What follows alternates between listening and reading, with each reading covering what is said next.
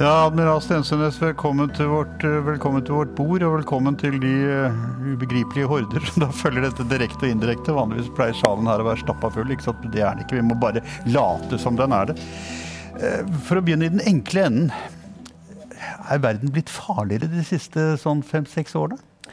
Verden er i hvert fall annerledes. Det er en ganske tydelig endring fra denne unipolare situasjonen vi hadde etter den kalde krigen, til nå er en ganske tydelig stormaktsrivalisering, hvor det er flere som kjemper om eh, posisjon. Og så er metodene endret og, og virkemiddelspekteret annerledes enn det har vært før. Du sier at situasjonen er blitt såpass mye mer kompleks at det er fare for at tingene kan gå galt. Altså at elementene spiller mot hverandre på en sånn måte at eksplosjonen kan komme før vi vet ordet av det, på en måte? Ja, det, det, var jo dine ord. Eh, men eh, det, i denne konkurransen mellom stormaktene så ser vi at de bruker de eh, virkemidlene som den enkelte nasjon har. Og så kan gi de fordeler da, som er større enn ulempene. Og da er jo virkemiddelbruken tilpasset den enkelte nasjons kapasiteter. Og det, dette er jo en, en pågående, gradvis utvikling som vi ser.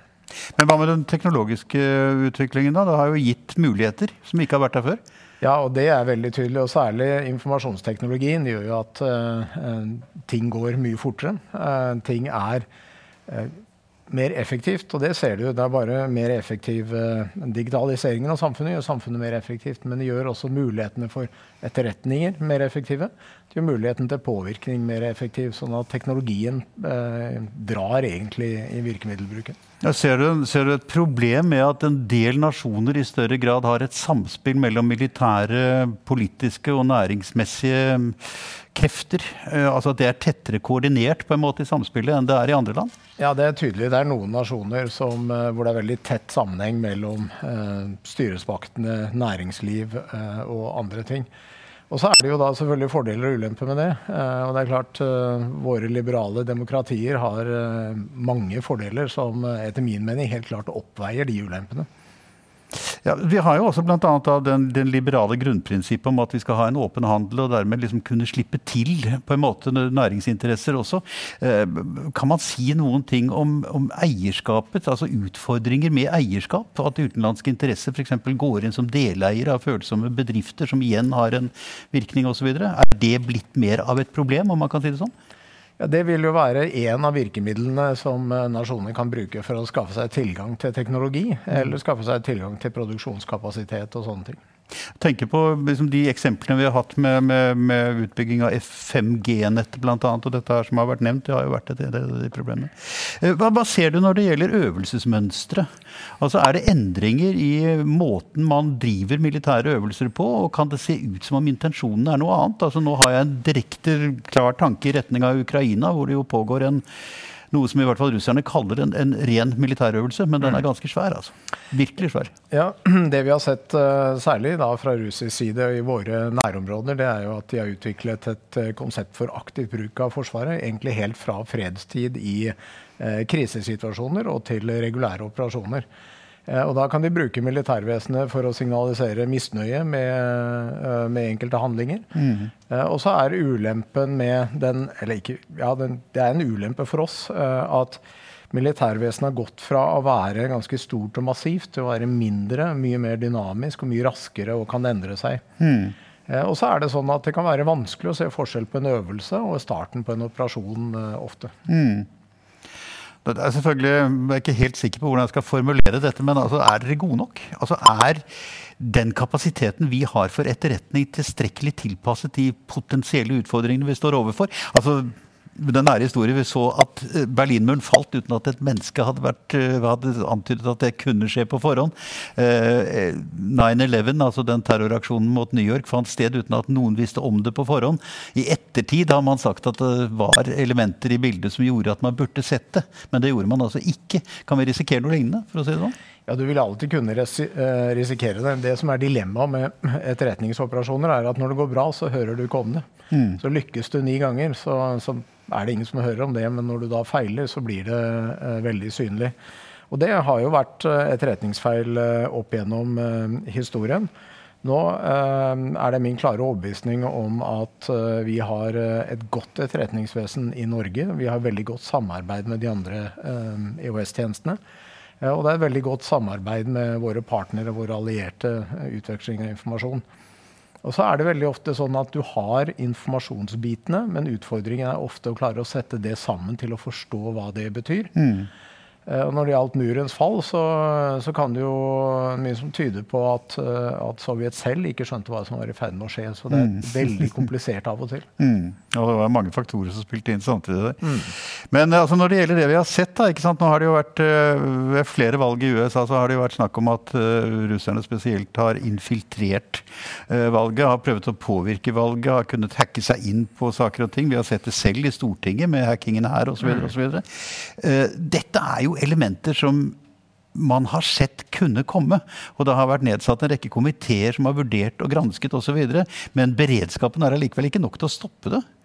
Er det et dilemma i, i, i, dette spillet her? Altså i tidsfaktoren her? Ja, selvfølgelig. Eh, og etterretning og påvirkning er jo en av de tingene vi påpeker i, eh, i den åpne trusselvurdering, at det er noe vi skal følge nøye med. Og For Norge så kommer det jo stortingsvalg og sametingsvalg til høsten. Eh, mm. Så Derfor så jobber vi veldig konkret med det for å se tegn til aktiv påvirkning. Har dere sett tegn til aktiv påvirkning? Foreløpig så er det ingen, uh, ingen tydelige tegn til det. Mm. Uh, men det følger vi nøye med på. Og, og, vi tror det viktigste vi kan gjøre for å motvirke det, er egentlig akkurat denne åpne debatten. Gjøre folk oppmerksom på at det er aktive forsøk på å påvirke mm. norsk politikk eller andre nasjoners uh, politikk. Og det var veldig tydelig i presidentvalget i 2016 i USA. Uh, og vi har jo da også sett at de har forsøkt det i 2020. Mm. Vet vi nå nøyaktig hvordan disse forsøkene fant sted?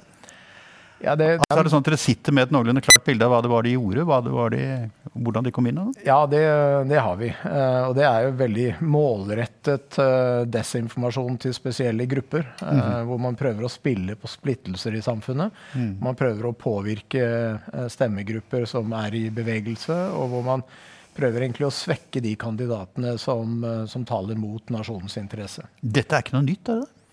Nei, altså... I, i, sin, I, prinsippet med det? Nei, Det het jo propaganda i gamle dager. Og desinformasjon? Eh, og desinformasjon. Ja. Eh, men eh, informasjonsteknologien gjør det mye mer effektivt, og du kan målrette det mer spesifikt mot grupper. Mm. For første gang eh, gikk dere jo ut i samarbeidet med to andre tilsvarende tjenester, altså PST og Nasjonale sikkerhetsmyndighet, ja. med en felles trusselvurdering i år.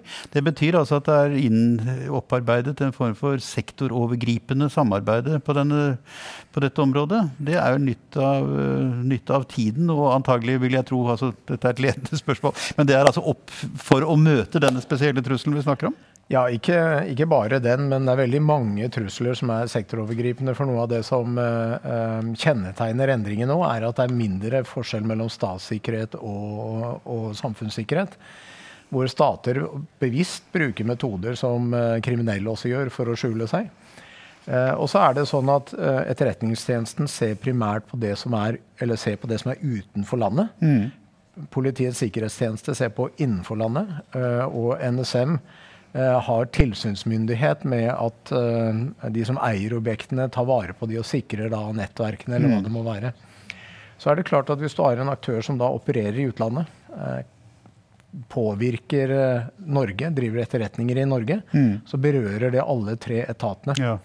Og da fungerer det jo veldig mye bedre hvis vi kan gi en forståelse av hva man prøver å oppnå der ute, hvilke metoder de typisk bruker. Politiets sikkerhetstjeneste kan etterforske eh, og avverge ting som foregår i Norge. Mm. Og NSM sammen med de som har nettverkene, kan jobbe med å beskytte de. Mm. Så det er en naturlig eh, følge av både eh, trusselbildet, men også teknologiens eh, utvikling. Og der har samarbeidet egentlig Det er ikke noe nytt at vi samarbeider, men det er en, eh, for det første en, en tydelig styrking av samarbeidet, og det er en vilje fra for alle tre tjenestene til å jobbe mest mulig sømløst. Mm. Eh, og så er det eh, en veldig klar politisk forventning om at vi koordinerer eh, på de områdene. Og så må vi passe på at vi har forskjellig rettsgrunnlag, sånn at mm. vi holder oss innenfor den hjemmelen vi har. PST innenfor sine hjemler og NSM innenfor sitt. Men uh, her, er en, her, er det en, veldig veldig positiv utvikling, og vi snakker veldig godt sammen. Dere gjør det, ja, for dere er jo forskjellige. Altså jeg mener Politiet er jo per definisjon en sivil organisasjon. Dere er militære. og En av dem er jo teknologer, antagelig. I stor grad, i hvert fall. Ja. ja. Men det er, veldig, det er stor overlapp, både kompetanse ja, ja. og så videre òg. Men det er jo fokus og mandatet vårt som er forskjellig. Men så er det så mange gråsoner som vi er nødt til å koordinere. Mm. Og i felles uh, cyberkoordineringssenter uh, så sitter jo de tre, pluss uh, Kripos, fordi det er så store likheter mellom noe av det statlige aktører gjør, og noe av det de kriminelle aktører mm. faktisk gjør. Mm. Vil du si at det har virket positivt for alle de tre samarbeidende organene? dette her? Altså har det vært en sånn, det som englenderne kaller for cross-fertilization? altså en sånn gjensidig At dere liksom har funnet ja, kunnet utvide hverandres horisont, da, for å si på en måte? Ja, i aller høyeste grad. Altså for, for, vi er flinke på noen metoder, og politiet har, har, andre metoder, andre tradisjoner, og det samme med, med NSM. Mm. Eh, så jeg er jo sånn sterk tilhenger av samarbeid. Mm. Eh, for jeg tror én pluss én pluss én blir vesentlig mer enn tre i det samarbeidet her. Mm. Ja, dette, altså kan, du, kan, du, si noe om hvordan dette er i andre Nato-land? Er dette et rent norsk fenomen, eller ser du lignende samarbeidsmønstre utvikle seg i, øh, i andre allierte land? Det er, øh, det er, den utviklingen går generelt overalt. Mm. Uh, og det litt tilbake til en av de tidligere spørsmålene dine. Uh, man hadde informasjonsbiter som kunne, hvis de var puslet riktig til sammen, kunne indikere at 9-11 kunne skje. Mm. Um, og det er veldig mange av den type, type, hendelser som indikerer at det er veldig veldig nødvendig å jobbe sammen. Mm. Og der er nok uh, Norge er langt fremme, men vi er neppe først. Uh, vi vet om partnernasjoner hvor de uh, har kommet lenger i samarbeidet, mm. men så ligger vi ganske langt fremme. Og så har hver, hver, eneste nasjon forskjellige tradisjoner for hvordan etterretning går. Det er skille mellom sivil og militær etterretning. Mm. Det er ting, ting, er organisert og strukturert på en forskjellig måte, men felles for de alle er at det går i retning av mer samarbeid, mer informasjonsdeling, for å kunne pusle sammen akkurat disse brikkene som til sammen gir det riktige bildet. Det er vel en fare for at du ikke kan svare på dette spørsmålet, men kan, kan du si noen ting om hvordan det internasjonale samarbeidet på denne sektoren er? Altså Det er jo en slags logisk tanke at man da utvider dette samarbeidet mellom de forskjellige sektorene innenfor en nasjon til også å gjelde da de samme litt internasjonalt. fordi at det er jo, ja, Forgreningen er der jo. Ja, altså For det første er jo vi medlem av en allianse, Nato. Mm. Eh, og det er jo naturlig at Nato-nasjoner deler informasjon eh, seg imellom. Mm. Eh, og så er det jo slik at alle nasjoner har sine, sine områder de er spesielt dyktige på. Eh, og det er klart da Utveksle informasjon uh, vil gjøre oss bedre. Mm. Men igjen så er det noe som skal være da under tydelig nasjonal kontroll. Mm. Uh, sånn at vi har kontroll på vår informasjon, og den, den deles med, med, de den skal deles med, ikke andre. Ok. Kan jeg spørre deg, Er det noe som tyder på at det vi har avdekket av hacking og forsøk på hacking og kapasitet for hacking, er langt større og mer dramatisk enn det vi har trodd? Altså Er det noe som, som antyder vet, at, at, de kreftene som ønsker å bruke dette, her ligger langt foran det vi har greid å tenke oss frem til foreløpig? Nei, Det tror jeg ikke er tilfellet, men dette er et kontinuerlig kappløp eh, hvor de utvikler nye teknikker. Eh, mm. man eh, kompenserer for å, for, å, beskytte seg mot det, og så utvikles det nye teknikker og man kompenserer for å beskytte seg mot det. Mm. Og der, eh, der, er nok eh, vestlig teknologi eh, like bra, og så er det forskjell på hvor mye ressurser forskjellige nasjoner bruker på, på etterretningsoperasjoner i det mm. digitale rom. Mm. Eh, Norge er Nato i nord, for å si det på den måten. Er vi, er vi inne i et nytt rustningskappløp i nordområdene? Ja, Vi ser en uh, endring i nord. Um, og så tror jeg det er riktig å si at det er en, uh, først og fremst en modernisering. Um, Volumet øker ikke noe vesentlig, men det bygges nye våpen. eldre materiell moderniseres og oppgraderes med nye våpensensorer. Og, så videre, og levetidsforlenger. Så det bygges nye, nye plattformer også. så det er en tydelig modernisering av den militære hardwaren. Men det er også en modernisering av hvordan man driver krigføring, operasjoner, kommando, kontroll, og, og hvordan man driver det. Og dette begrepet aktivt forsvar er et illustrasjon på det. Hvor man bruker militærvesenet i hele konfliktspennere fra fred og helt opp til regulære krigsoperasjoner. Ser du endringer i operasjonsmønsteret? Ja, vi ser, uh, vi ser, jo en modernisering av måten man opererer på. God synkronisering av bruk av forskjellige stridsmidler. Disse lange, langtrekkende våpnene gjør at man kan operere på en annen måte. true Skape trusler på, en annen måte og, mer dynamisk. Og vi ser større aktivitet. Og vi ser at de er raskere. De, er, de gir oss kortere varslingstider enn det, det, vi hadde før. Tyder det på endringer i intensjonene? Det eh, kan vi ikke se noe sammenheng mellom. og Det er noe av utfordringen med en ny, moderne teknologi. Det er eh, at den kan brukes både til offensive operasjoner og til defensive til en mm. stor grad. Eh, sånn at eh, den utviklingen her gir dem egentlig bare flere handlingsmuligheter, større handlingsrom. Mm. Og det er kanskje den, den, største signifikante endringen. Og så er det å utvikle de militære kapasitetene tar tid. Og intensjonen den kan variere vesentlig raskere. Du sier altså at det er en kvalitetsmessig endring, men ikke så veldig kvantitativt. Men hvordan skal vi definere denne rehabiliteringen og gjenoppbyggingen og moderniseringen og utvidelsen eller hva vi skal kalle det, av de gamle basene i området rundt Arktis? Ja. Nei, eh, Russland har jo offentlig sagt at de har en ambisjon om å være den dominerende nasjonen i Arktis. Og jeg tror vi skal se det i det lyset. Eh, det at de skal være den sikkerhetspolitisk den dominerende nasjonen. Eh, vi kan også se det i lys av issmeltingen og det at sannsynligvis Nordøstpassasjen åpner som da er den korteste skipsruten fra Asia til, til, Europa, og at det kan bli en ny motor i utviklingen eh, i regionen. Og så er det jo Russland har store energiressurser i nordområdene. Mm. Fiskeressurser, og det, altså det er i det hele tatt et rikt område. Ja. Men eh, altså, du, du, sier, snakker om eh, nye våpentyper og strategiske våpentyper. Altså, de har jo, det er jo bl.a. offentliggjort at de har da en kjernefysisk torpedo, som jeg, hvis ikke jeg husker helt feil, blir kalt Poseidon, som kan mm -hmm. trenge gjennom de skjoldene bl.a. amerikanerne har utenfor uh, sine områder. Uh, dette, dette, gjør jo situasjonen barskere, da, hvis man kan si det med et litt sånn amatørmessig uttrykk. Gjør det ikke det? Ja, Det introduserer jo en ny utfordring, et nytt, et nytt våpentype. Uh, men intensjonen med våpenet er nok det samme som andre strategiske våpner. Det er en del av denne kjernefysiske avskrekkingen.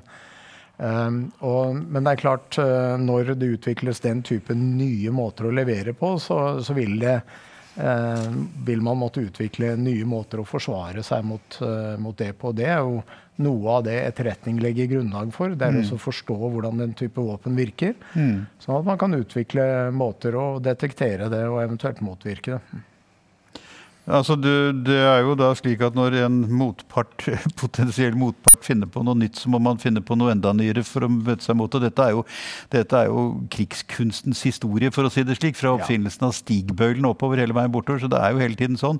Men det avføder jo også handlingsmønstre som da kan, eller ikke vil kanskje, men ofte kan virke provoserende. Eh, det jeg tenker på her, er jo da at hvordan reagerer de andre allierte nasjonene som har interesser i nordområdene, på samme måte som også jeg tenker på Storbritannia Og USA spesielt? Ja. Nei, uh, vi har jo en, en, vesentlig økt aktivitet fra Russland uh, rundt våre, eller våre interesseområder, norsk økonomisk sone og lenger vest, ned mot England osv. Og det har vi sett ved simulerte missilangrep mot Norge ved flere anledninger, mot fartøysgrupper senest under Trident Juncture i 2018. Vi så det under øvelse Ocean Shield eh, i 2019, hvor Russland deployerte ned til Grønland-Island-gapet. Eh, og vi så det senest i fjor høst, hvor de opererte veldig tett på England med et stort antall, eh, antall fartøyer. Og det er klart, Når aktiviteten øker på den måten, så øker også behovet for å følge med på hva som skjer. altså En, en tydeligere kontroll. Og Der gjør jo Norge den viktigste jobben hver eneste dag, men vi ser at våre allierte også ønsker større forståelse for det som skjer. Mm. Men det er ikke sånn at profilen på Nato totalt blir skarpere ved et skarpere øvelsesmønster fra amerikansk og britisk side enn Norge ønsker? Altså, hva var det? det, det er jo en sånn sikkerhetspolitisk vurdering ja, det er jo det. Eh, som, eh, som uh, våre politikere gjør. Uh, ja, egentlig den ja. balanseringen der. Det er jo det, men på den annen side skal jo dere da bringe på det rene hvordan russerne reagerer. Det er jo en del av det hele, er det ikke det? Jo, og det, det er jobben vår. Det er jo å uh, egentlig først beskrive situasjonen som man er, fakta. Mm. Så vurderinger hvordan dette kan utvikle seg på sikt. Mm. Og så uh, gi uh, en vurdering av, hvis Vesten agerer på denne måten, hva vil motreaksjonen være? Altså mm. denne forståelsen av kompleksiteten i, uh, i det samvirket. Så er det vår jobb da å gi en, en, forståelse av hva disse alternativene kan være, og sannsynligheter for det som grunnlag for at det skal kunne tas bedre sikkerhetspolitiske beslutninger. Ja, for der er vel situasjonen den at Russland har jo på en måte respektert den norske forsvarsprofilen da, med en eh, klar avskrekning, allianse osv., men også med en tilbakeholdenhet i retning av å trå for nær, på en måte, men da hele tiden under forutsetning at Norge er herre i, hus, herre i eget hus. Og Hvis du da kommer i den situasjonen at russerne plutselig begynner å tenke som så at Pina, du, her blir de presset av allierte som er mye barskere i taktene, så er det jo mulig at den tilliten ikke er der igjen. ikke sant? Men dette er, av, dette er en del av deres analysegrunnlag? Ja, altså vi, vi jo, gir en vurdering av hvordan uh, Russland uh, ser verden rundt seg, og hvordan de sannsynligvis vil, uh, vil agere. og så er det jo vår oppfatning at Russland ser jo på Norge som en nabo, men også et Nato-medlem. Eh, og vi ser i våre nærområder at opptreden er eh, egentlig veldig fornuftig. Den er, det er respekt, det er avstand, og man, man har god kommunikasjon. Mm. og det, det, er ikke nødvendigvis sånn overalt. så jeg, vår oppfatning er at Russland respekterer Norge som en nabo. Men de forstår også at vi er et Nato-medlem, og, at da har du den, den, de ser den balansen. Du sier god kommunikasjon. Vi hadde jo altså den kalde krigen utviklet av historiens største nedrustningsavtale, den såkalte CFE-avtalen, ikke sant, som jo også innebar et inspeksjonsrutine. Nå er den uh, for all practical purposes falt ut, men det er også inspeksjonsrutine. Er, er det opprettholdt en god kontakt likevel? Ja, Norge, Norge, har jo myndighetskontakt med Russland på, på flere områder. Eh, og, og, men det, Forsvaret kan uttale seg om det. men Eh, det er god dialog, og vi, eh, vi, vi, registrerer jo at Russland respekterer den dialogen og den, den samtalen som er med Norge. Mm. Så den, den, den, er opprettholdt til tross for dette, da, på en måte. Ja. Hvordan ser du de fremtidige utfordringene når det gjelder dette med Nordøstpassasjen? La oss nå si at den virkelig blir farbar og blir brukt mer og mer. Og det er jo de som hevder at, kanskje, at de kommer til å forsere det arbeidet etter at det ble satt en kork i Suezkanalen med ganske stor effektivitet for ikke lenge siden. Uh, regner du med økt aktivitet? Regner man med en større grad av militær beskyttelse av aktiviteten? Ja, nå er det jo sånn at eh, Sivile uh, handelsruter de har en tendens til å finne den mest kosteffektive veien. Ja. Og det er klart Blir det åpent i nord, og det er vesentlig kortere enn å gå andre veien, så må vi regne med at det er mye større aktivitet. Det er allerede ganske stor skipsaktivitet, men det er hovedsakelig inn og ut av Russland i nord. Mm -hmm. men den som går fra Stillehavet til, til Nordsjøen og Atlanterhavet, den vil da kunne øke ganske kraftig. Og Det er jo, uh, igjen gir jo mange muligheter uh, og, for økt handel og, og, og næringsdrift. Uh, og det er jo positivt. Og så er det vår, vår, jobb å følge med hvordan dette håndteres, om det skaper nye trusselsituasjoner. Men generelt så er jo handel som følger internasjonal lov og rett osv. helt uproblematisk. og egentlig en del av den naturlige utviklingen i verden. Men Bringer ikke det oss litt tilbake til dette spørsmålet om integrasjonen av de forskjellige virksomhetene? altså Dette med det politiske, militære og næringspolitiske som en i helhet, som en del av den helhetlige tenkningen i særlig Kina og til dels også Russland? Altså slik at det vi ser som et skille mellom sivil, kommersiell handelsvirksomhet og det militære er for dem ikke skilt, og at du dermed får altså en ja, trojanske hester da, på kjøl, for å si det sånn. Ja. Det er jo tettere, det er jo tettere sam, eh, forhold mellom regjering og handel i eh, Kina og Russland enn det vi er vant til. Og det er klart det gjør at de kan bruke eh, dette som strategiske virkemidler. Mm. Eh, og det må vi bare være klar over og følge med på. Ja, altså Har man forventninger om noe her? Vet vi noe om det? Ja, vi vet at uh, Kina er interessert i å etablere en, uh, en nordlig silkerute. Mm. Uh, og det er jo åpent, åpent kjent. Mm. Og det er jo uh, en del av handelen mellom, mellom, øst og vest, og for så vidt ikke noe som vi uh, er så veldig opptatt av. Vi passer på det, eller følger med på den sikkerhetssituasjonen rundt, og om det kan dukke opp trusler mot Norge i, uh, i forbindelse med det. Nå har jo tradisjonelt så vidt jeg forstår, etterretningsvirksomhet vært et uh, nasjonalt anliggende hvor, hvor, virksomheten beskyttes av en rekke forskjellige forståelige grunner.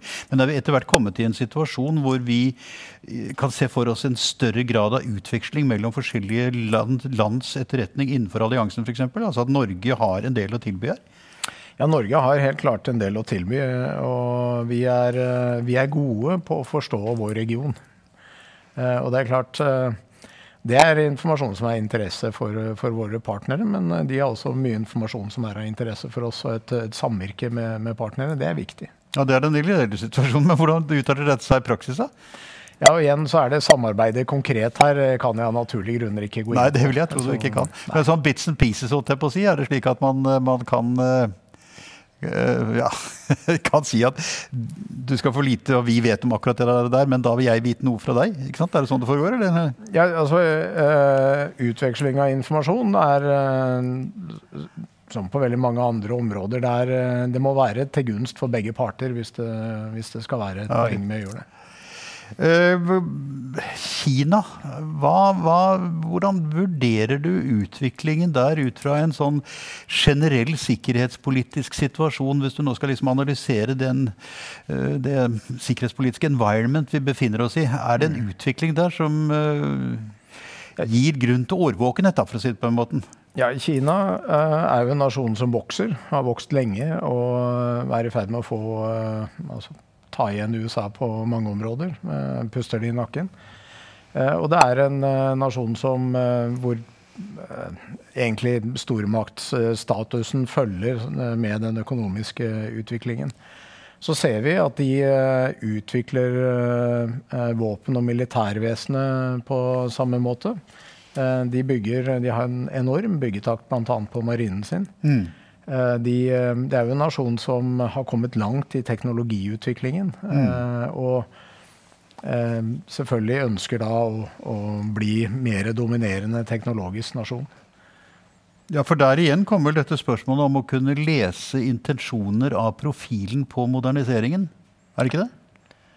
Eh, ja, det altså, det er jo relativt selvsagt. Hvis du bygger en, en, stor marine, så er det ikke det for å ligge hjemme. Nei, eh, nei, da, har du, en, da har du en ambisjon. det, faktisk... det, det, sier seg selv. Ja. Eh, ellers så er det med å utvikle teknologi og bli en ledende nasjon, det er jo enhver nasjons rett til å gjøre. Mm. Men det er når du anvender den i, i, mot en annen nasjon, så blir det problematisk. Sitter dere også og analyserer språkbruken eh, på sikkerhetspolitikken fra f.eks. Kinas side? Altså, analyserer man hva de og de utsagnene kan bety, hva det kan ligge implisitt i det? Ja, nå går vi eh, ikke inn på konkrete metoder og teknikker og hvordan vi gjør det, men eh, det er jo vår rolle å gi råd om trusler og ting som kan påvirke norsk sikkerhetspolitikk. Mm. Så vi følger med brede bilder, både hva man fysisk gjør, men også retorikk og, og andre ting, for å prøve å bidra til en forståelse som gjør at uh, norske politiske og militære myndigheter kan ta bedre beslutninger. Ser man noen endringer i kinesernes etterretningsprofil i europeiske land, i Norge? Ja, det, det er jo vel kjent at Kina er aktiv i uh, det digitale rom. Mm. Uh, og der, der, har de gode kapasiteter. Mm. Hvordan er de aktive? Nei, det er etterretningsoperasjoner eh, først og fremst. Mm. Eh, hvor man prøver å skaffe seg informasjon. Men gjør de det ved å, eh, å si, drive en form for økonomisk samarbeid, praktisk samarbeid, som er tilsynelatende helt legalt, og man har en mistanke om at det er andre intensjoner som ligger bak? Ja, Det tror jeg ikke jeg skal kommentere konkret. Uh, Nei, ikke. hvordan de gjør det. Det var, det var, et forsøk fra min ja, side på å få deg til å gjøre det. Jeg skjønte jo for så vidt dette her. da. Eh, aner man en endring i det kinesisk-russiske samarbeidet i nordområdene? Ja, Foreløpig så er jo Kina til stede med, med, forskning. De um, har erklært seg som en nær arktisk stat. Uh, de er til stede med isbrytere av og til. Så vi og, eh, og, med handel. Så vi ser de til stede, men vi ser de ikke militært foreløpig. Mm. Men de har, altså, de har jo altså da sammenfallende interesser. Jo, altså Den gamle antagonismen mellom Kina og Russland som har vært der, den skulle man jo for så vidt anta at blir lagt litt på the backburner når de har den, den, de sammenfallende interessene i områdene? Kanskje? Ja, nå er det jo uh, vår oppfatning at uh, en nasjon vil jo normalt sett være pragmatisk. Hvis det er i din interesse, så gjør du det. Hvis ikke konsekvensen er uh, stor. Mm. Nordøstpassasjen er noe som, som, kan være til fordel ikke bare for Kina og Russland, men også for alle andre som er avhengig av handel i den ruten. Mm. Så det er klart det vil være en økonomisk fordel hvis man kan mm. bruke noe, en, en kortere vei.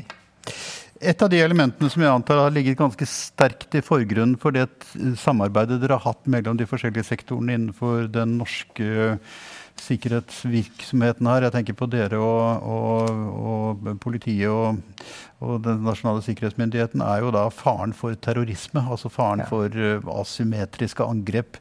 En form for krigsfare, en form for trussel mot samfunnssikkerheten som vi ikke har sett før. Kan, mm. du, kan du i noen enkle ord si hvordan du ser det fremtidsbildet? Ja, der har, um, For det første, 2020 er første gang siden 2017 hvor man så en økning i uh, terroraktivitet i Europa. Mm -hmm. Det tror vi, vi, først og fremst er knyttet til uh, oppblussing av karikaturstriden. Jaha, okay. og så er det en, en endring i særlig ISIL, etter at de ble territorielt slått i Syria og Irak. Mm. Eh, så, så, må de endre operasjonsmodus. og Vi ser at de prøver å etablere filialer i Europas randsone. Mm. Eh, og prøver å inspirere til aksjoner eh, den veien. Men de er mindre effektive. De har mindre evne til å koordinere og, og selvfølgelig til å trene og øve. Men de endrer modus operandi. Og, men er fortsatt aktive, så det er noe man må følge med fremover. Hvordan følger man med på dette? Ja, det er eh, For det første så følger vi med på aktiviteten i utlandet. Mm. Eh, og det er en etterretningstjenestens jobb. Mm.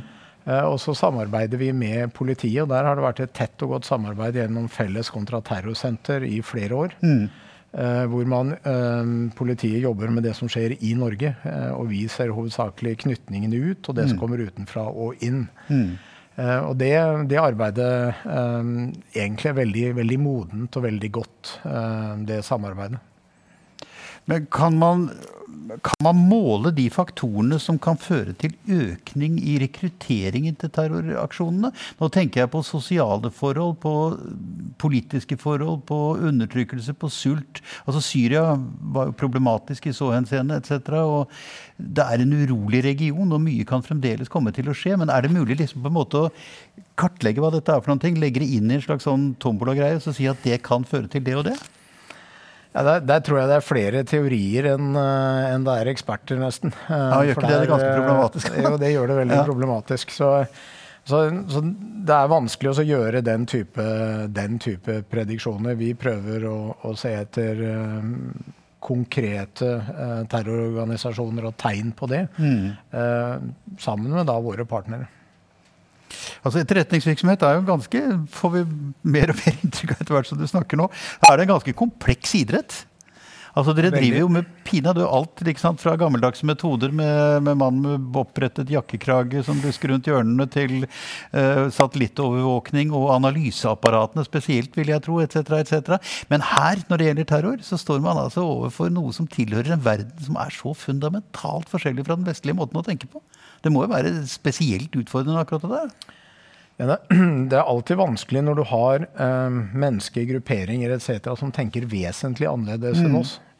Uh, og Da ligger det i etterretningens natur å prøve å, å, frembringe analytikere som forstår den tenkningen, for å mm. kunne tolke disse tegnene. Mm. Uh, og etterretning består jo i stadig mer og større og større grad av å koble disse forskjellige informasjonsbitene sammen og mm. klare å tolke det bildet mm. og forstå hva det kan bety. Mm. Og så er dilemmaet at du, det er vanskelig å spå, særlig om fremtiden. Mm, jeg har hørt det. Ja. Og da, da, blir det sånn at uh, vår, uh, vår, primære jobb er å gi mulighetsrommet. Det kan mm. bety dette og dette med den mm. og den, uh, disse sannsynlighetene. Og så følge med på indikatorer om det går i de retningene, for å sørge for at våre beslutningstagere har, igjen som, som, jeg sa tidligere, et godt beslutningsgrunnlag. Mm. Eh, og, det, og, da er det å pusle sammen et så komplett bilde som mulig, sånn at man forstår hva som faktisk skjer. Og så mm. er det igjen forstå tenkningen for å forstå hva det kan bety, og hvordan det kan utvikle seg i fremtiden. Så etterretning er et komplisert fag, eh, og det skiller seg fra, fra mange andre måter, f.eks. tenketanker ved at eh, man har tilgang til annen informasjon. Men også ved at man har et helt annet oppdrag. Mm. og det er, ikke, det er ikke fri forskning. Nei, men du har allikevel altså et ganske stort behov for, for, en teoretisk, akademisk analysekraft i dette systemet. Da, på en måte. Ja. Det betyr at du må ha eksperter på islam, på forskjellige bevegelser innenfor islam, du må ha så videre. Når det gjelder islamistisk uh, terrorisme, i hvert fall. Ja. ja. Det du trenger, er jo ekspertise som forstår de områdene du jobber med. Ja. Uh, og det det er jo unike med en etterretningsorganisasjon. Det er jo fra hun eller han som sitter og plukker opp et, eh, enten en datafil eller forstår noe, eller noen som plukker opp noe på radioen, eller noen som snakker med noen, helt til de som sitter og analyserer det sammen med alt det andre. Hva betyr dette? Mm. Og Det betyr jo at organisasjonen vår er uh, veldig mangeslungen, og det er uh, veldig mye god ekspertise i norsk etterretningstjeneste. Det betyr at dine folk kan sitte der og gjøre det samme som de som da infiltrerer Stortingets uh, datasystemer gjør? da? Altså, at dere kan da på en måte infiltrere kommunikasjonslinjene innenfor terrororganisasjoner og den type ting? Eller? Ja, nå igjen så snakker vi ikke om hvilke metoder. Nei, det vet jeg, jeg, vet, jeg vet, jeg vet, Men jobben vår er jo å skaffe ja. denne informasjonen. Mm. Og så er Det jo sånn, og det, det, er veldig interessant, fordi den informasjonen som man prøver å skjule, det er gjerne den informasjonen som er av størst betydning, nettopp fordi mm. den er viktig for, for, eh, for din sikkerhet. Mm. Uh, og det er jo et dilemma vi er nødt til å jobbe med. Dette er liksom de, de litt mer sånn esoteriske sidene av det, men hva ser dere rent konkret? Altså, hva kan du si om utviklingen av samarbeidet mellom organisasjoner som ISIS, Taliban i Afghanistan, Al Qaida, Al Qaida Maghreb, uh, Al Qaida som ligger i Jemen etc. etc.? Er, er det sånn at man rent konkret kan se at de har en interaksjon seg imellom, at de utveksler erfaringer, at de snakker om potensielle mål osv. osv.? Ja. Den, den, store endringen eh, etter at man ble territorielt slått, er jo at man har jo ikke den samme muligheten nå til å gjøre dette samlet. Nei. Eh, så det er jo en, med i større grad inspirasjon mellom disse gruppene. Eh, hvor man blir inspirert av tankegods osv. Og, mm. og folk kommuniserer på alle mulige rare måter for å spre både ideologi og inspirasjon og, og ideer. Krigen i Afghanistan ble jo initiert av det faktum at Taliban, som satt med grep om store deler av nasjonen og befolkningen, ga Osama bin Laden, mannen bak 9-11, et fristed der. Uh, nå er da de allierte styrkene på vei ut 11.9., paradoksalt nok. Mm. Nei, jo. jo. 11.9., akkurat. Så skal de ut. Altså Den mm. datoen den blir jo da bortimot helt nøyaktig 20 år siden. Eh, hva da? Vil da dette kunne bli et arnested for et samarbeid mellom både Taliban og ISIS? Eh, eventuelt en reetablering av Al Qaidas virksomhet? At de får et fristed etc.? Og at det kan forsverre det hele ganske kraftig? Tror du det? Ja, det, det er jo en avhengig av hva uh, de myndighetene som da sitter i Afghanistan, tillater, og hva de er i stand til å håndtere. Ja. Uh, uh, og jeg skal være forsiktig med å spekulere hvor, uh, hvor det kan gå. Det er, en, det er, en, usikker situasjon, det er det. Mm, mm. og så er, så er, det jo tatt en beslutning nå om å trekke seg ut. og og det er klart En sånn beslutning skaper grunnlag for ny dynamikk, og så får vi se hvordan det utvikler seg. Nå har vi snakket mye om islamistisk terrorisme, men vi har jo et annet fenomen, nemlig høyreekstremterrorisme. Ja. Hva kan du si om det? det? Der har det vært en, uh, egentlig en interessant utvikling, hvor uh, høyreekstremistisk uh, terrorisme tidligere var veldig nasjonalt, og det var enkeltindivider, kanskje noen veldig få. Det vi ser nå, er at det er større grad av inspirasjon mellom grupper, og også mellom grupper i forskjellige nasjoner. Eh, og igjen så er det informasjonsteknologien som gjør det mulig effektivt å spre ideologi, tanker, ideer eh, mellom grupperinger. Inspirasjon høres jo litt abstrakt ut, kanskje, men betyr det også samarbeid? Ikke, eh, ikke, så veldig konkret. Det er mer det at man sprer ideer eh, over nettet. Men vi har jo sett forskjellige utslag av det. altså dette partiet helt ute på siden i Tyskland, AFD, altså Alternativ for Deutschland, har jo hatt et militant element knyttet til seg. altså Litt av det vi så i Irland i sin tid, og flere andre steder antagelig også. Er det en utvikling vi kan komme til å se etter hvert som en høyrepopulisme brer seg og får mer vind i seilene? Ja, Da beveger vi oss fra terrorisme inn til politikk. Eh, og Der setter vi en veldig klar skille. Mm. Eh, så vi driver ikke med politiske saker hos våre allierte. Vi ser etter konkrete terrorisme, mm. internasjonal terrorisme, mm. i utlandet. Eh, så, så, på det området så, så, er det ikke riktig å, for meg å ha noe syn i det hele tatt. Hvordan vurderer du denne litt merkelige karnevalsforsamlingen som okkuperte den eh, amerikanske kongressen eh, for å redde Trumps presidentskap, eller hvordan vi skal uttrykke det? Nei, det, det, tror jeg jeg legger på den politiske siden av det. og det tror jeg, jeg vi, vi, følger ikke med på det og har ikke noe formening om, om de typer politiske bevegelser. Nei, så Man kan ikke altså kalle pøbelopptreden uten videre for terrorisme? Da, når du snakker om terrorisme, nå så snakker du om altså voldelig ja. altså Konkret og villet voldelig ja. Men denne inspirasjonen du snakker om, som altså da brer seg på, på en måte i, over, over, nettet, på en måte, er, det, er, den, er den, vil du si den er farlig? Er den uh, slik at den kan tenne uh, ideer og uh, ja, fryktelige ting i hodet på folk som kan gi seg konkrete utslag i større grad enn vi har sett før? Ja, Vi har sett eh, eksempler på at terroraksjoner, eh, tilsynelatende i hvert fall, har vært inspirert av andre. Eh, mm. Så Christchurch-angrepet i New Zealand i 2019 er et sånt eksempel. Mm. Er det grunn til å være bekymret for dette? Det, det, altså, jeg prøver liksom å få et sånt kvantifiseringselement oppi hodet mitt her. Er, det, er, er, er terrorismen en veldig alvorlig trussel?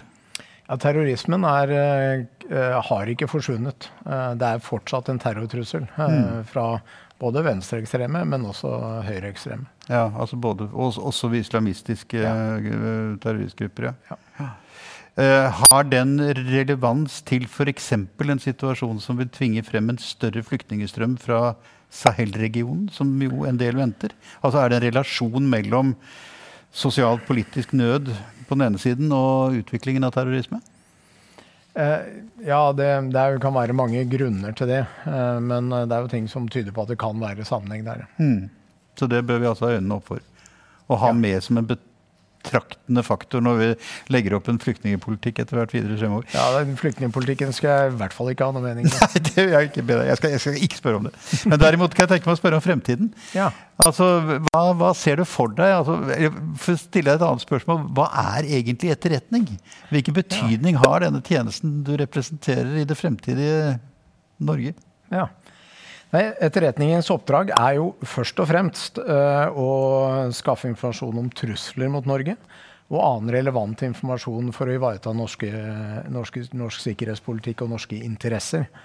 Og det er ganske mangeslunget. Uh, truslene som vi har vært inne på, et komplekst uh, trusselbilde i dag, kan være militære, eller det kan være etterretning om påvirkning, kan være terrorisme og enda, enda flere ting. Så det å ha en organisasjon som er eh, innrettet på å skaffe den type informasjon, det tror jeg eh, skaffer et godt grunnlag for beslutningstakerne som skal ta alle disse vanskelige avveiningene.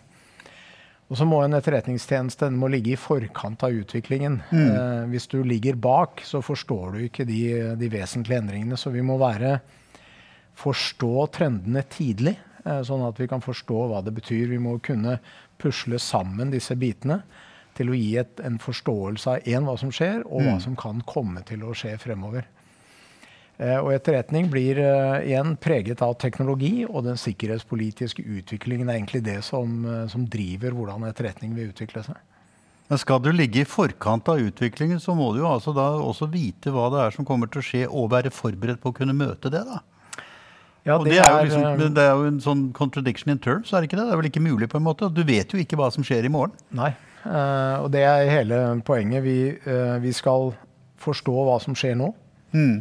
Så skal vi søke å forstå intensjonen til, uh, til aktørene på andre siden. Mm. For å kunne gi noen sannsynlighetsbetraktninger om hva som kan komme til å skje i fremtiden. Mm. Uh, og, det, og, det, viktige da er at man uh, da har bedre mulighet til å, å, forberede seg eller ta riktige beslutninger for å unngå den, uh, den trusselen, eller, eller, stå imot hvis det er riktig. Det er vel altså da nokså naturlig å anta at dere vil fortsette å utvide og utvikle det trepartssamarbeidet som har vært eh, dominerende, mye dominerende både i denne samtalen og i, i den utviklingen av trusselbildet videre utover? Ja, ja. Eh, på alle måter. Vi snakker sammen på flere og flere områder. Eh, og vi snakker sammen dypere og dypere og på flere nivåer i organisasjonen og utveksler både kompetanse, erfaringer og informasjon knyttet til, til konkrete saker. Så det, er, eh, det, har vært en veldig positiv utvikling som jeg bare ser vil, eh, vil fortsette. Er lovverket og det andre som regulerer denne virksomheten, eh, tilstrekkelig modernisert til å kunne stemme overens med virkeligheten i dag og i morgen? Ja, Der ble jo ny etterretningslov vedtatt i fjor sommer. Ja. I kraft fra 1.1. i år. Mm -hmm. Jeg oppfatter det som en svært god etterretningslov. Okay. Det, det gode med den er at den setter ikke bare grenser for hva vi ikke kan gjøre, men den gir oss også mandater for hva vi kan gjøre. Så vi får uh, tydelige mandater og tydelige lovhjemler for det vi skal gjøre. Og det er, uh, det er, viktig for meg. Jeg er veldig opptatt av at vi kan levere resultater. Mm. Men jeg er også veldig opptatt av at vi kan holde oss innenfor loven, at vi har tydelige hjemler. sånn at både våre ansatte, men uh, vi også kan være trygge på at vi gjør det som lovgiver og regjering til enhver tid ønsker at vi skal gjøre. Mm. At vi ikke går utenfor disse rammene. Så den nye etterretningsloven er en moderne lov. Det er en veldig god lov. Men du mener at den altså er mer proaktiv da, på en måte enn den gamle? I og med at den da sier mer om hva dere kan gjøre, eller hva dere bør gjøre? Ja, den gir, Gjerne skal gjøre. ja, den, eh, den jo For det første så den, uh, gir den altså, flere reguleringer, og den gir tydelige hjemler mm. og veldig tydelige begrensninger. Eh, fordi Etterretningstjenesten skal se på utenlandske trusler mot Norge. Mm. Eh, og den er veldig tydelig på det. Den er veldig tydelig på, tilbake til samarbeidet med, med PST og NSM. Hvordan samarbeid og samvirke kan være og mm. skal være. Uh, så, så, vi er veldig fornøyd med å få en så tydelig lov som, uh, som den nye E-loven. Men føler du også at den gir deg, gir deg, den friheten du trenger? Altså Ikke bare at den er restriktiv og sier hva du ikke kan gjøre, men den, den, åpner også rom for at du kan på en måte strekke deg ut over det som er kanskje vanlig, osv. når du ser at det er nødvendig? Ja, og det, det, er jo sånn at uh, etterretningens uh, natur er at vi er nødt til å gå inn på områder som ingen andre nødvendigvis har hjemmel. Eh, mm. Sånn vil det være med, med de tjenestene. Men da er det viktig at den hjemmelen er veldig tydelig, og mm. har tydelige rammer for hva man kan gjøre. Mm. Uh, vi skal ivareta personvern. Vi skal altså ikke se på norske borgere. Vi skal ikke se inn i Norge. Mm. Vi skal konsentrere oss mot utenlandske trusler. Uh, og det er, det er veldig, veldig, ryddig, fine rammer for, mm. for, aktiviteten vår. Men altså nå har jo jeg selvfølgelig da min informasjon fra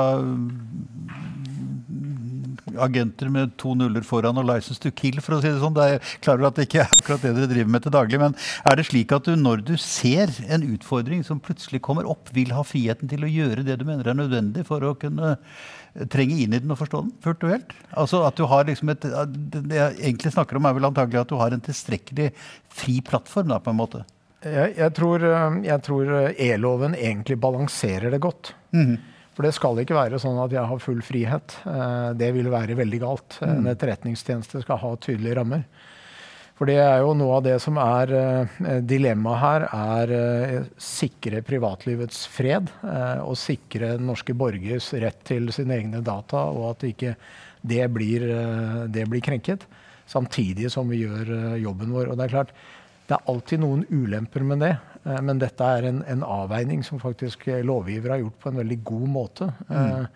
Sånn at jeg er veldig komfortabel med den avveiningen som er gjort i e-loven. Og det vil også da politikere som ønsker å, å holde kontroll med, med etterretningen, si, være fornøyd med? Altså at de sier at det er instrumenter nok til at du føler at du har en demokratisk kontroll over alt som foregår i samme ja, bevegelse? Der, eh, der, er det jo en, eh, en, veldig tydelig kontrollfunksjon eh, både med det vi gjør, altså det etterretningsfaglige som. EOS-utvalget gjør. Og de kontrollerer jo NSM og PST og oss. Og jeg oppfatter det som en, nå en, en moden og veldig god eh, kontrollmekanisme. Eh, de har tilgang til all informasjon hos oss. Eh, de, eh, de, har sin egen EOS-kontrollov som mm. gir de føring og mandat for hva de skal gjøre. Eh, og jeg føler det som en ekstra trygghet, faktisk. Eh, for da er det noen som kontrollerer at ikke vi får en saktig utglidning. Mm. Eh, sånn at vi blir kontrollert og må stå til ansvar for de beslutningene vi tar hver dag. Mm. Eh, det tror jeg er helt avgjørende. Mm. Ja, du, altså Vi var inne på dette med at det går jo i rasende fart mot et valg. Det er ikke mer enn et halvt år til vi skal ha valg både til Stortinget og Sametinget. Vi, har vi noen overraskelser i vente? for å si det sånn? Ja, Vi så jo eh, tydelige forsøk på å påvirke valget i USA i 2016, også mm. i 2020, og vi har sett det i andre europeiske land. Mm. Eh, og vi anser det som svært viktig at vi holder fokus på, eh, på valget, både stortingsvalget og sametingsvalget, for å se om det er forsøk på, eh, på påvirkning. Og der er det et veldig godt samarbeid med, med PST og NSM, mm. Eh, hvor vi vi ser ut av landet for å se hvem som prøver. Politiet i nasjonen og mm. NSM om det er forsøk på å bryte inn i systemer osv. Mm. for å skaffe seg uh, informasjon som kan brukes. Hva betyr det å bryte inn i systemer? Ja, Det er uh, som man så uh, på Stortinget i fjor høst, mm. datainnbruddet, hvor man da henter ut informasjon. Mm. og Noe av det vanskeligste er såkalt hack and leak-saker, hvor man egentlig går inn, henter informasjon som man så ut av kontekst bruker mot et individ eller en organisasjon for å skade deres omdømme, renommé, mulighet til å bli valgt. Ja, okay. mm. Og Problemet med det er at det er da ofte basert på faktuell informasjon eh, og satt i en helt feil kontekst, som gjør det vanskeligere å egentlig svare på. Ja, slik at det er altså en sannhet, men det er ikke en sannhet allikevel, fordi den kontekstuelt kommer i en helt annen greie. Kan ja. du nevne noen eksempler på dette? Ja, det, var jo et, eh, det har jo vært innbrudd eh, knyttet til presidentvalgkampen i USA i 2016. Hmm. Med påstander om Hillary Clintons forskjellige aktiviteter og interesser og spesielle ting, ja, som var ja. ganske spesielle. ja. Men hva kan dere se fra utlandet når det gjelder akkurat dette? her? Altså, du, du, sier at, at, Fordelingen er jo da at politiet ser på det som skjer innenfor landsgrenser, mens dere ser på det som skjer utenfor landsgrenser. Kan du, kan du med dine folk og ditt apparat se om noen vil da gjøre dette, eller om de gjør det, og eventuelt hvordan de gjør det? Ja, igjen så er det å gå inn på konkrete metoder og teknikker. Det, det gjør vi eh, aldri. Eh, men vi eh, monitorerer for å se om det er forsøk på desinformasjon og, og påvirkning av valget fra utlandet. Ja. Der kommer jo altså litt dette her med, med si, Lenins nyttige idioter inn i bildet også. fordi at dette er jo også da spørsmål om hvordan interessegrupper i Norge tar opp desinformasjon fra utlandet. Altså Jeg ville jo tro rent teoretisk at Russland ville se det som et poeng å svekke den øh, norske alminnelige folkelige oppslutningen om forskjellige forsvarstiltak bl.a. Og det kan man jo få til ved å spille på grupper som da er imot forsvar. og og den type ting. Ja. Og da begynner du vel å gli inn i et ganske rart grenseland? gjør du ikke? Jo, og det, um, og, og, og, det er der vi må være ganske nøye mellom hva som er uh, uh, helt legitim, normal politisk debatt, og skal være, og det skal vi holde oss langt unna. Mm. Men det vi skal gjøre, det er å avdekke hvis en utenlandsk aktør, la oss si en stat, prøver bevisst å påvirke det norske, det norske valget og sametingsvalget. Ved f.eks. å plante falske opplysninger eller plante saklige opplysninger som, i en annen kontekst? Da, for ja, å få det til å se ja, annerledes ut. Ja, ja. Og så er det jo kjent at uh, falske nyheter spres veldig fort. Mm. Uh, nettopp fordi de er laget for at de skal appellere og spres. Og mm. Ja, Det bringer oss jo da frem til det interessante faktum at du står her du står. Ja. Altså Det er jo ikke sant, det er ikke så veldig ofte at det norske folk får full innsikt i tankegang og utseende til etc. etc. folk som er sjef for Etterretningstjenesten, for å si det sånn. Men altså, er dette et uttrykk for at du ser et behov for å øke informasjonen, beredskapen, bevisstheten, årvåkenheten ute blant folk? Altså det, det vann som politikerfiskene svømmer i, for å sitere Mao Zedong? Ja, vi har jo, eh, Mandatet vårt er jo å skaffe dette informasjonsgrunnlaget for norske myndigheter. Men det er også ønske om at vi bidrar til eh, en eh, riktig og opplyst samfunnsdebatt. Og når det gjelder særlig valgpåvirkning, så er jo akkurat det at folk er bevisst på at det pågår et forsøk. Det beste forsvaret. Sånn at man kan være mm. kritisk til det som blir postet, og kan dette virkelig stemme, og hva ligger bak, hvorfor, hvorfor sier man det man sier. Mm. Eh, og så er det å, å ha en opplyst uh, debatt om, uh, om, trusselsituasjonen rundt Norge, det er, det er, viktig generelt. Sånn at vi har et realistisk forhold til verden rundt oss. Og så er det ikke, det er ikke nytt. Fokusrapporten i år er den ellevte rapporten hvor den fremlegges. Mm.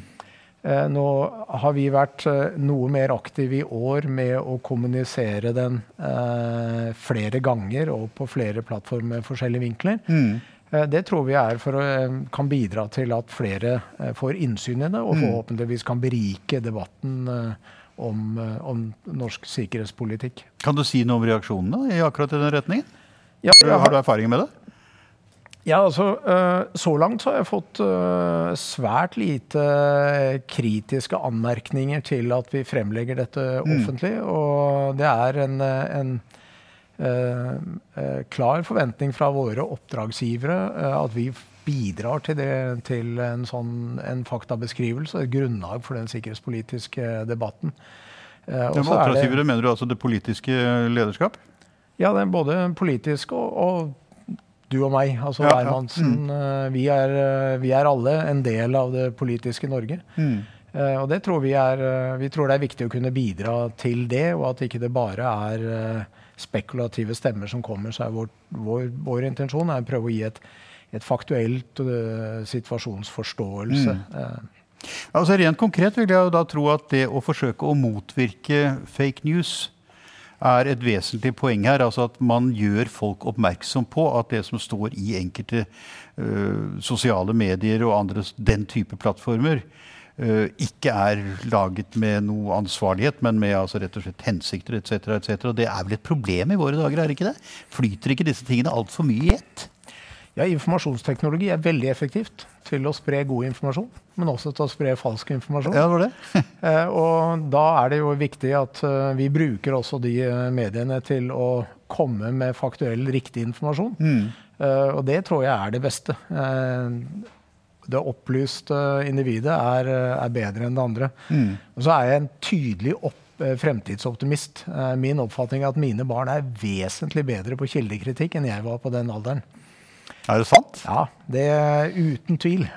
Ja vel? Kan det være at de er smartere, men de er i hvert fall vesentlig bedre. Nei, men Det betyr vel at de, har vært, at de er blitt mer oppmerksom på problemet, da? Med at, med at falske kilder kan ha helt andre hensikter med det som kommer opp? Ja, og, det, og det, er jo det som skulle skje. da, på en måte. Det jo, ja. ja. og det er min oppfatning at skjer i skolen i dag. Ja. De er veldig flinke. altså Allerede fra når jeg hjalp til og vi diskuterte eh, oppgaver på barneskolen, så begynte de å diskutere kildekritikk. Og det var tydelig på ungdomsskolen, og det er helt veldig tydelig i videregående.